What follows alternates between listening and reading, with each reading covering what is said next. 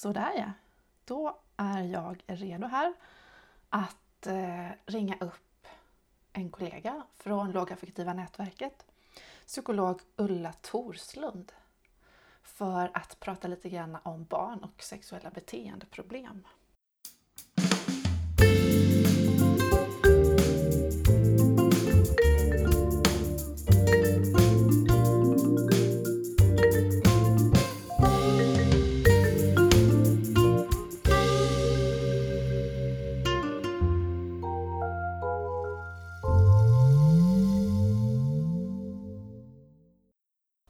Hjärtligt välkomna till dagens avsnitt av Lågaffektiva podden. Och idag har jag, Therese Österholm, med mig en kollega från Lågaffektiva nätverket, psykolog Ulla Torslund. Välkommen! Tack så jättemycket! God morgon! Mm. God morgon! Eh, vi hörs ju av nu för att du ska få berätta lite grann för mig om barn och sexuella beteendeproblem. Eh, du har lång erfarenhet av arbetet med barn, ungdomar men också vuxna inom mm. öppenvård och slutenvård. Och jag tänker att du ska få presentera dig själv istället, vad du jobbar med och var du befinner dig och sådär. Så mm. varsågod! Tack så jättemycket! Ja, som du sa, Ulla Torslund heter jag, är legitimerad psykolog och jag har arbetat med, med våld och sexuellt våld framförallt bland barn och unga 19, snart 20 år blir det. Eh, och det jag har gjort förut det att jag har gjort såna här psykologiska utredningar. Vi har gjort fördjupade neuropsykiatriska utredningar där man har haft frågeställningar kring ADHD och autism. Men jag har också framförallt gjort riskbedömningar.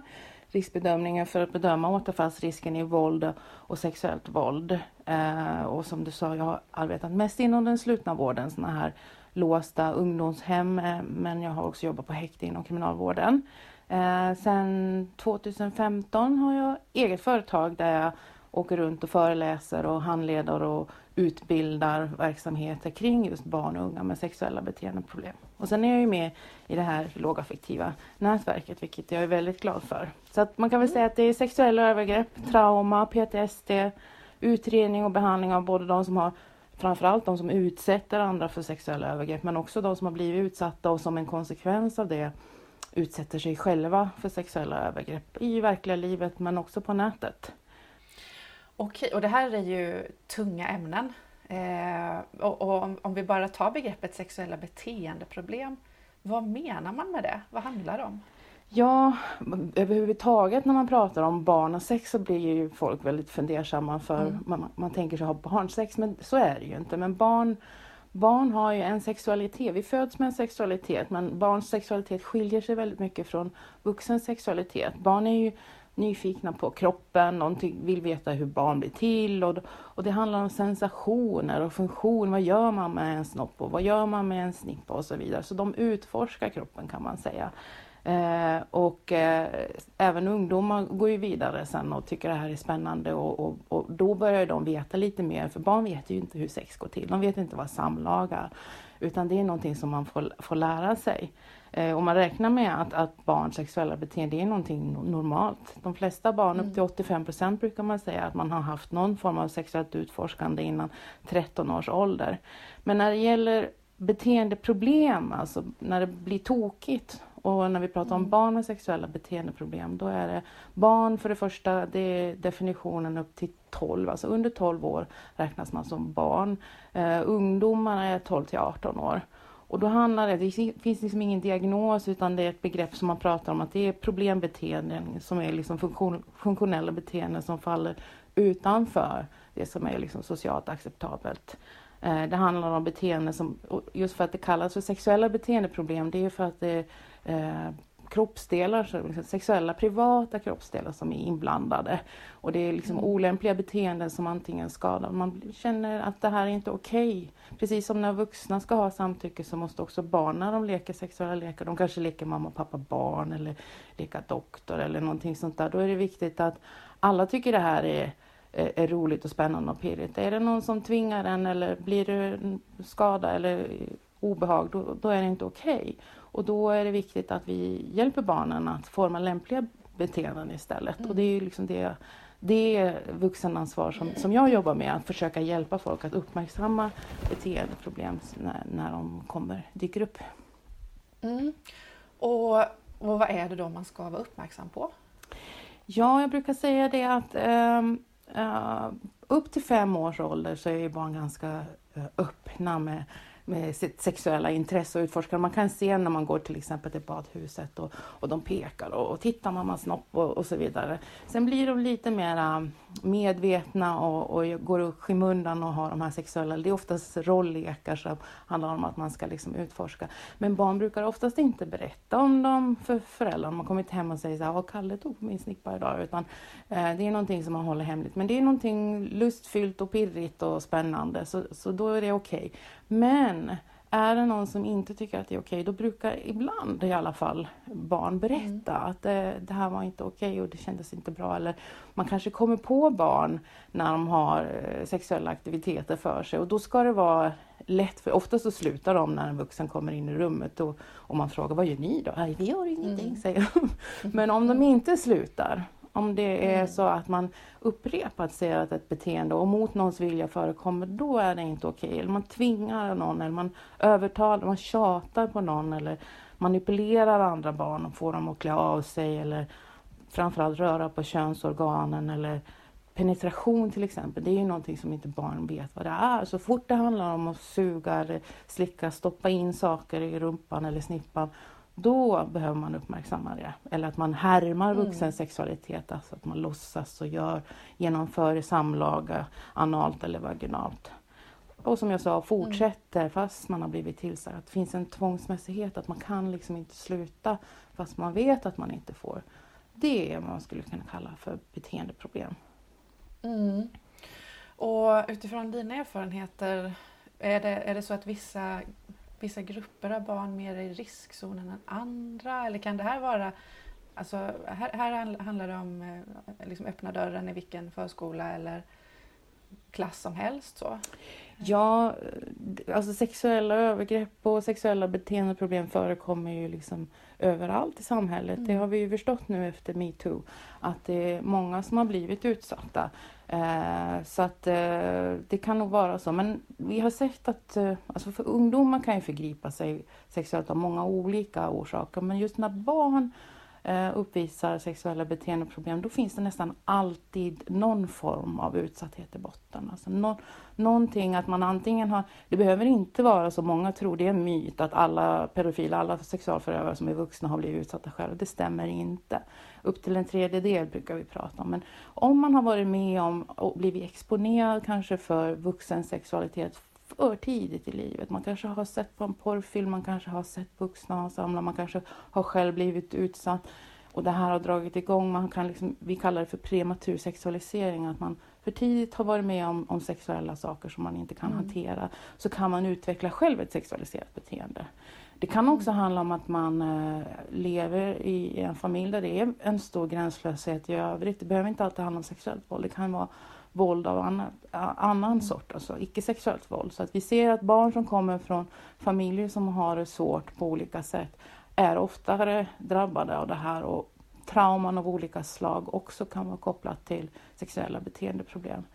Det är bara att titta på de här dokumentärerna som går nu om rapparen R. Kelly, Michael Jackson. Jag tittade på Whitney Houston igår som alla vittnar om, om övergrepp i barndomen som har etsat sig fast och som påverkar ens... Jag brukar säga att sexuella övergrepp är inte bara sexuella övergrepp utan det är känslomässiga övergrepp. Det skadar integriteten på lång sikt.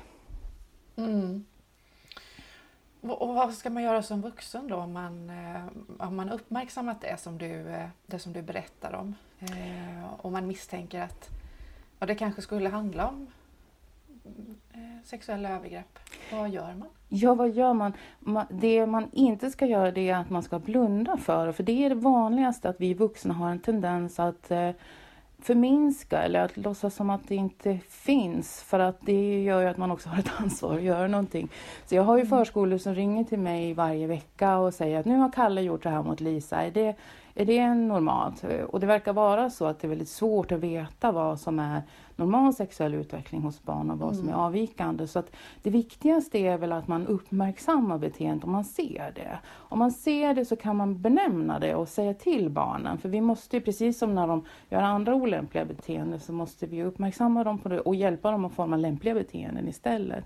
Och sen måste man hjälpa barnen att prata väldigt mycket om kroppen och vad som är okej och inte och vad privata delar är inte. Och ser man alltså riktiga övergreppsbeteenden, för det förekommer. Det är många som säger till mig efter föreläsningar att Åh, du pratar om barn som begår övergrepp. Jag trodde inte att barn kunde det, men det kan mm. de faktiskt. Och då måste man ju faktiskt eh, kanske till och med ja, man måste göra en socialtjänstanmälan, en orosanmälan. Man kanske måste göra en utredning, riskbedömning och se hur stor risk är det att barnet upprepar sina beteenden så att man kan sätta in adekvat stöd och hjälp. Och framförallt de som har blivit utsatta måste ju få hjälp med att, att uh, sätta ord på sina upplevelser och, och förstå att det inte är deras fel. För det är det vanligaste, att den som har blivit utsatt tror att man mm. själv har ett ansvar i det. Så att uppmärksamma, skydda för att se till att det inte händer igen. För det är också någonting som jag har upplevt när det gäller barn och unga. För när en vuxen förgriper sig sexuellt på barn, då är vi ganska duktiga på att liksom sätta stopp och stänga av, om det är till exempel i skolans värld, en lärare, och skydda eleven då till exempel från sin förövare. Men när det gäller barn så har vi en tendens att tycka att ja, ja, men säg förlåt till varandra nu så går vi vidare. Och så förstår man inte att bli utsatt för sexuella övergrepp är lika skadligt oavsett förövarens ålder. Det spelar ingen roll om det är en vuxen som har förgripit sig på det här barnet eller om det är en jämnårig kamrat. Det är lika mm. skadligt ändå. Så att det är vad vi måste göra. Vi måste upp, uppmärksamma det tidigt och sätta in insatser tidigt. Då finns det en god prognos. Mm. Och det du, det du sa där i början om eh, riskbedömning. Just. Vad är det för någonting? Ja, man kan väl säga så här att de flesta barn som blir tillsagda om de, om de har gjort ett sexuellt olämpligt beteende, de gör mm. inte om det. Man brukar prata om att 75 procent av alla ungdomar som har gjort något gränsöverskridande sexuellt de gör inte om det fast de inte ens har blivit påkomna för det känns fel. Men om ja. man då som vuxen har sagt till eh, att det här är inte okej och barnet upprepar beteendet, då behöver man liksom fundera lite, vad är det som händer här? Och, eh, en riskbedömning, det finns riskbedömningar för både unga och för barn. Det handlar till skillnad från en vanlig utredning då, så är en riskbedömning det är ett instrument som är en strukturerad bedömning där man har en manual som man följer. Det är olika riskfaktorer som man tittar på som forskningen har visat att det här är jätteviktigt. Det här har vi sett att de som, de som upprepar sina beteenden har. De riskfaktorerna är för, alltså att man kan inte använda det på någon som inte har gjort något sexuellt gränsöverskridande utan det handlar om de som upprepar sig. Vad är det med dem? Vad är det vi behöver liksom vara noggranna och utforska? Och då mm. är det framförallt när det gäller ungdomar så är det 25 riskfaktorer som man tittar på om de förekommer. Eh, och vissa av de här faktorerna är mer signifikanta än andra. Och sen gör man en sammanvägning av alla de här riskfaktorerna och kommer till en slutlig risknivå. Att är det hög risk för att den här mm barnet eller ungdomen ska upprepa sina beteenden. Det behöver ganska kraftfulla insatser. Är det måttlig risk, ja då är det lite mindre och är det logiskt då behöver vi inte sätta in så mycket insats. För vi vet ju på gruppnivå mm. så är det låg risk faktiskt eh, att återfalla i sexualbrott. Många tror ju att sexualförövare de bara förgriper sig om och om igen men det gör man inte. Mm. De flesta gör inte om, då kanske man kan prata lite bara om vad som är okej och inte och hur man efterfrågar samtycke. Men är det måttlig eller hög risk då kanske man behöver ha mycket mer intensiva insatser. Och när det mm. gäller ungdomar kanske man till och med pratar om att man måste placeras utanför hemmet och få tillgång till övergreppsspecifik behandling. Eh, så det, det, är det man använder riskbedömningarna till. Det är ett bra underlag att veta vilken nivå av insats man ska sätta in så att det blir rätt. Vi vill inte ha lågriskare placerade och vi vill inte ha högriskare ute så att de kan förgripa sig igen. Nej, det låter som en rätt, så, en rätt så viktig insats att ens göra den där riskbedömningen innan man liksom påbörjar ja, med olika handlingsplaner och så vidare. Absolut. Men hur, eh, vem är det som gör de här riskbedömningarna? För det låter som att det, det kräver utbildning, du, ja. det finns en manual och lite så. Mm. Man, eh, man behöver gå en sån här utbildning i själva instrumentet. Eh, till exempel Eraser som jag har hållit på med nu i 20 år. Så går, man den utbildningen så, har, så man kan vara både psykolog men man kan också vara, ha andra bakgrunder, socionom eller liknande beteendevetare. Eh, det viktigaste är att man eh, jobbar i en verksamhet där man ofta träffar på de här barnen och ungdomarna för det finns liksom en, en eh, vits med att ha en frekvens i det. För att vi har sett att socialtjänst, socialsekreterare men även BUP-psykologer har gått de här utbildningarna men sen så ringer de i alla fall till mig och frågar om jag kan mm. göra riskbedömning. Och då undrar jag, men hade ni inte en som kunde det här? Ja men, ja, men hon har slutat eller hon har inte gjort så många eller han, han tycker att det här är, liksom, det är svårt på en BUP-klinik eller som socialsekreterare att hålla bredden. Men om det finns någon på socialkontoret eller på BUP-kliniken som har ett intresse och man har liksom återkommande uppdrag, då tycker jag att det är jättebra om man kan få. Det bästa är ju när BUP själva har kompetensen, för de ska kunna göra det, men det är inte alltid så det ser ut. Eller som du säger att socialsekreterarna redan när de får in en orosanmälan har de här riskfaktorerna i huvudet och kan liksom tänka i de mm. stegen och, och ännu bättre om de själva kan göra en riskbedömning i samband med utredning. Annars så får man anlita sådana som mig som kommer utifrån mm. och går in och gör de här riskbedömningarna, vilket också kan vara bra för då till exempel om det är i en verksamhet så är det bra att det kommer någon utifrån så att det inte är att man gör riskbedömningar på sin, sin egna ungdom hela tiden för man blir lite man blir mm. lite biased. Man ser sina,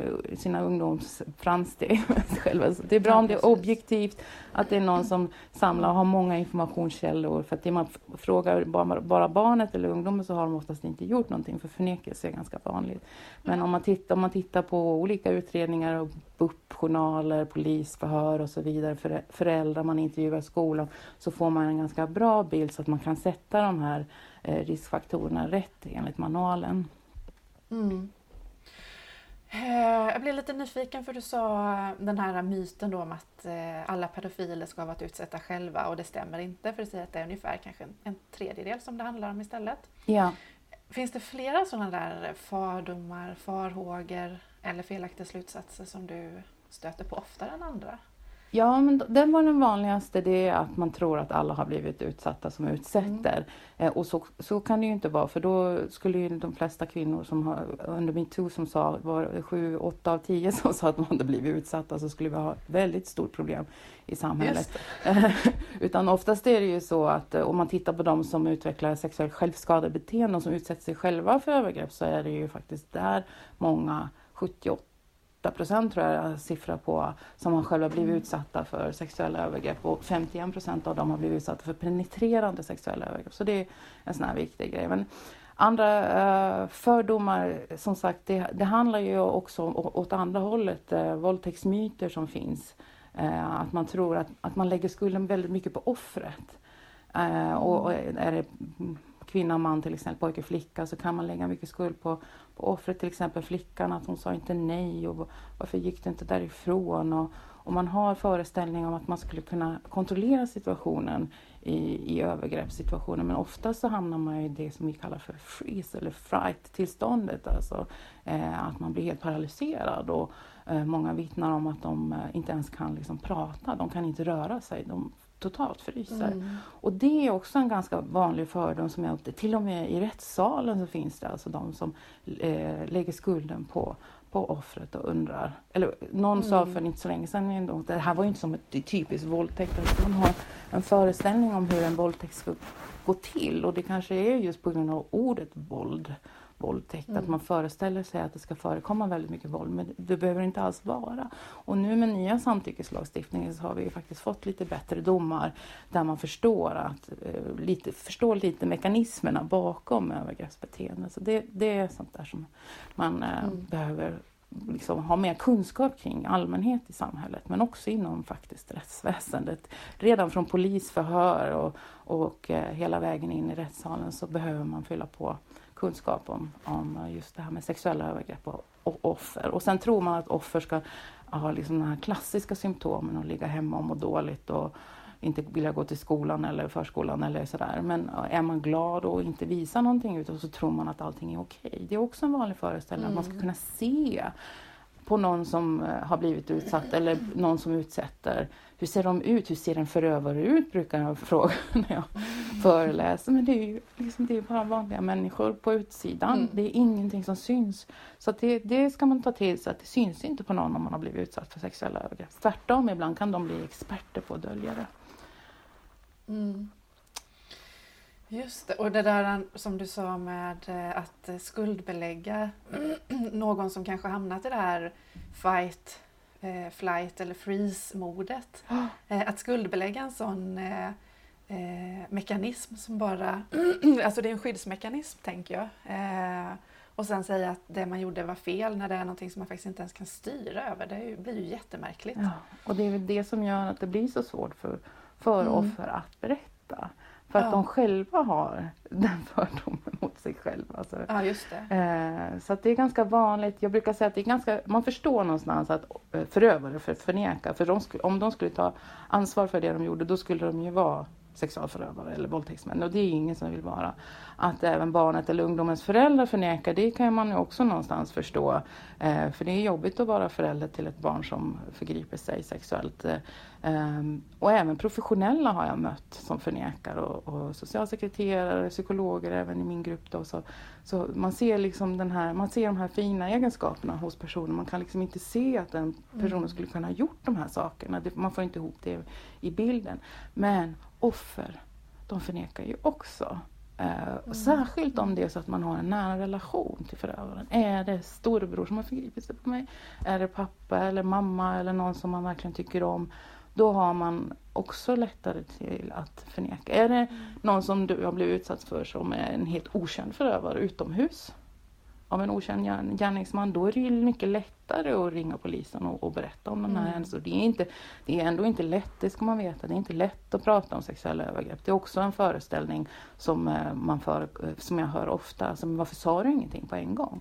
Varför ringde du inte till polisen? Varför, sa, varför skrek du inte? Varför, för att man blir själv så pass chockad så att man, eh, man vet inte riktigt alltid vad det är man har varit med om.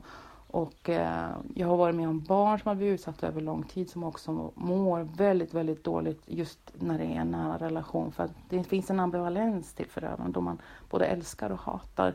Älskar förövaren för att det är pappa eller mamma eller så hatar man det för de här beteendena som man blir utsatt för. Mm. Och det ställer till det har vi förstått nu. Att de människorna får det väldigt jobbigt i framtiden om de inte får hjälp.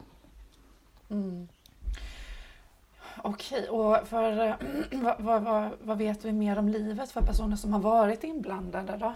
Eh, du säger att eh, när du har varit utsatt över lång tid och har fått hantera alla de här ambivalenta känslorna, eh, då det, det, det innebär mer, mer risk låter det som att man drabbas av sekundära symptom eller vad man ska Ja, säga. Absolut, stor risk för just PTSD, posttraumatiskt stressyndrom, att man utvecklar det. Eh, psykisk ohälsa generellt, ångest, depression, självskadebeteende, missbruk, suicid. Alltså allt. Man har sett när man tittar just på, om man bara pratar om PTSD, att människor som har varit med om olika svåra händelser i livet och hur mycket PTSD de utvecklar. Man tittar på eh, naturkatastrofer, krig, bränder, olyckor och så tittar man på sexuella övergrepp så skjuter den den eh, stapeln i höjden på, på de som har blivit utsatta för sexuella övergrepp. Mm. Och jag skulle säga just den här kombinationen av att om det är en nära relation, om du är barn och det är en vuxen eller så vidare. Om det är kompisar och det blir hemligheter som du får bära på. Du får aldrig hjälp med att sätta ord på vad det är som du har. För metoo blev ju väldigt mycket så att folk helt plötsligt förstod att jag har ju också varit med om det här fast man har aldrig förstått det. Mm. För Patrik Sjöberg tog det 30 år att våga berätta. Mm. Eh, Så Mm. det, det är viktigt att så tidigt som möjligt, om man då har blivit utsatt, få hjälp eh, med någon som man kan känna sig trygg med. Att, eh, och gärna med någon som är traumautbildad eller kan de här bitarna med sexuella övergrepp. Att sätta ord på de här Mm. händelserna och lägga ansvaret där det hör hemma. Det vill säga hos förövaren och inte hos offret. Mm. Och då finns det en god prognos att man kan ta sig igenom. Barn är väldigt mottagliga. Jag har ju själv haft eh, det vi kallar för TFKBT, traumafokuserad KBT. Eh, 16-17 sessioner. Eh, jättebra vetenskapligt stöd. Och de barnen brukar oftast, det är en barn-föräldraterapi, så barnen tuffar oftast ganska bra igenom de här behandlingarna. Det är ju oftast vuxna som krisar och som mm. behöver ha extra stöd till. Så det finns en god prognos om man får rätt stöd och hjälp. Och det finns även motsvarande eh, behandlingsprogram för barn som utsätter andra för sexuella övergrepp. Det finns något som heter Sköldisprogrammet. Också sån här eh, KBT-baserat manualstyrt program där föräldrar och barn går tillsammans i, i både individuellt och grupp kan man göra. Och där barnen får lära sig att hantera sitt pirr, sina impulser av att vilja mm. agera ut sexuellt och där man får stöd och hitta alternativ helt enkelt. Eh, så både TFKBT och Sköldis finns och ska mm. finnas på BUP-klinikerna. Om inte annat så finns det privata kliniker som också har, har de här behandlingsprogrammen. Krisstöd till föräldrar förstås, eh, när det är barn. Både de som har, barn som har blivit utsatta för övergrepp men även de som är utsatta. Och framförallt i familjer där det är syskon som har förgripit mm. sig. Där är det ju en jättestor kris för hela familjen. Mm. Men eh, om man inte får hjälp så, så, så är, kan det vara livslångt leda och psykisk ohälsa som väntar. Så det finns all anledning att uppmärksamma.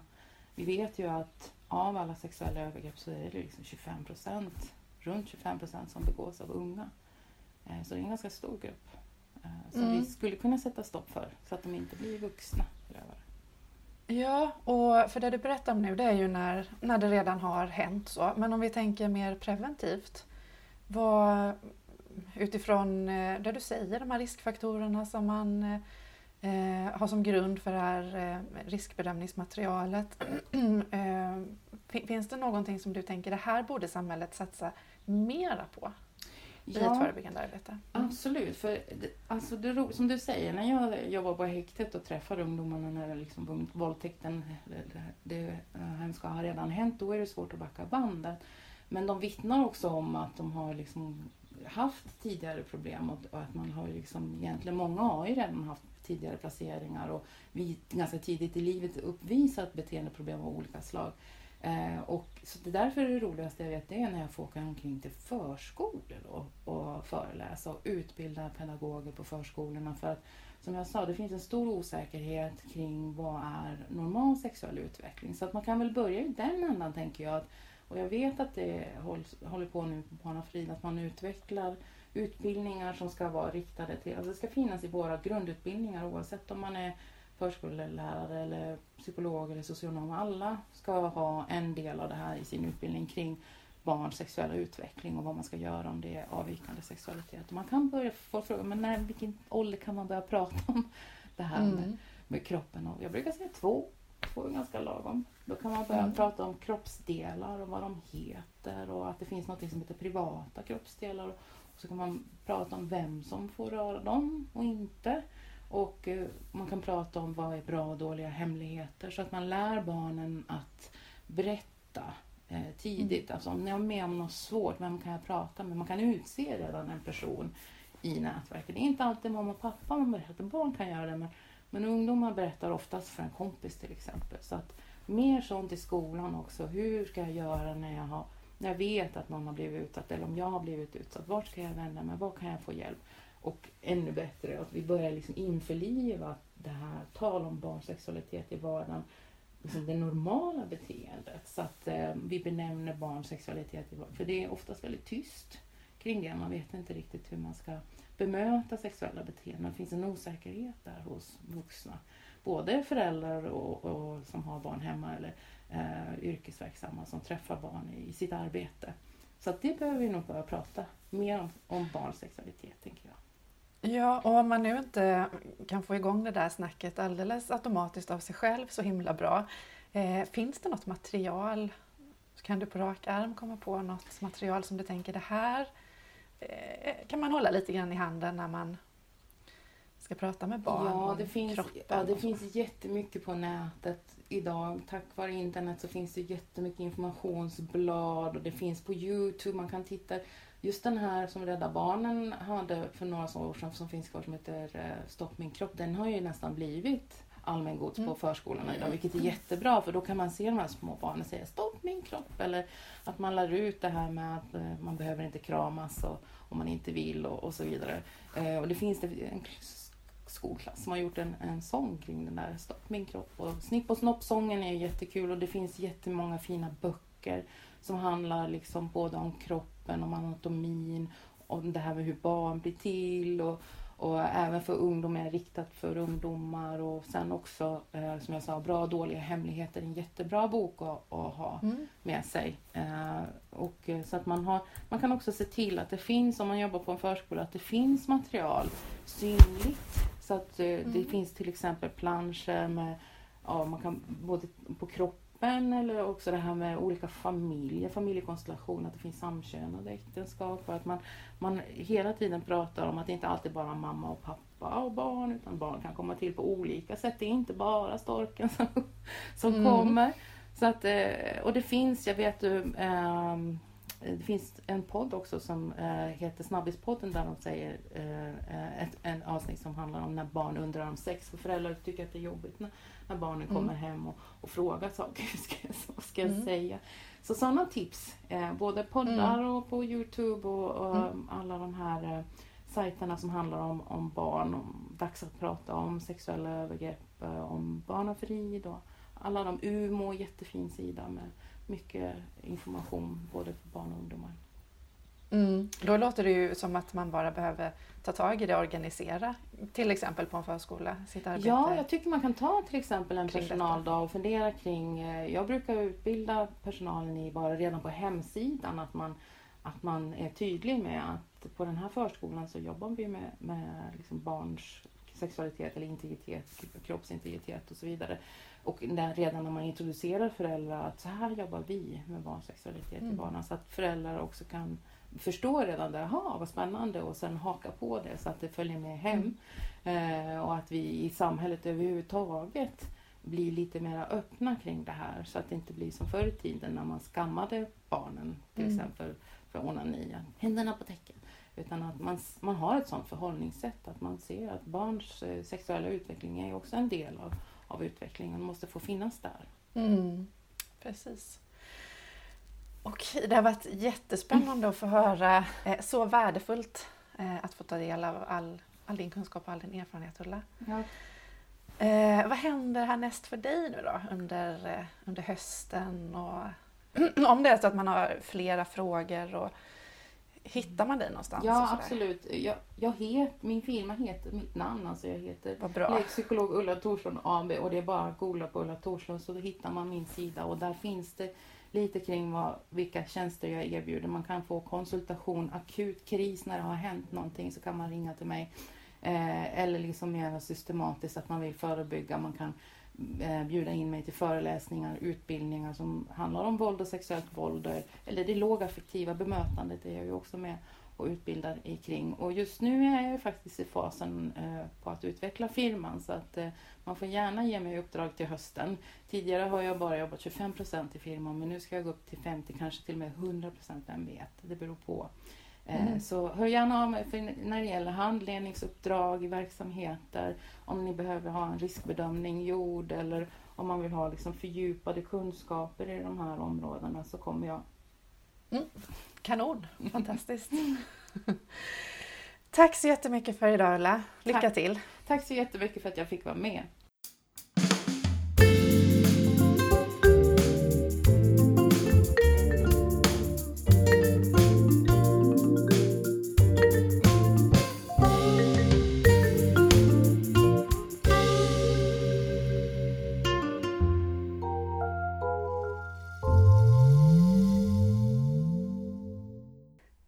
Du lyssnar på Lågaffektiva podden.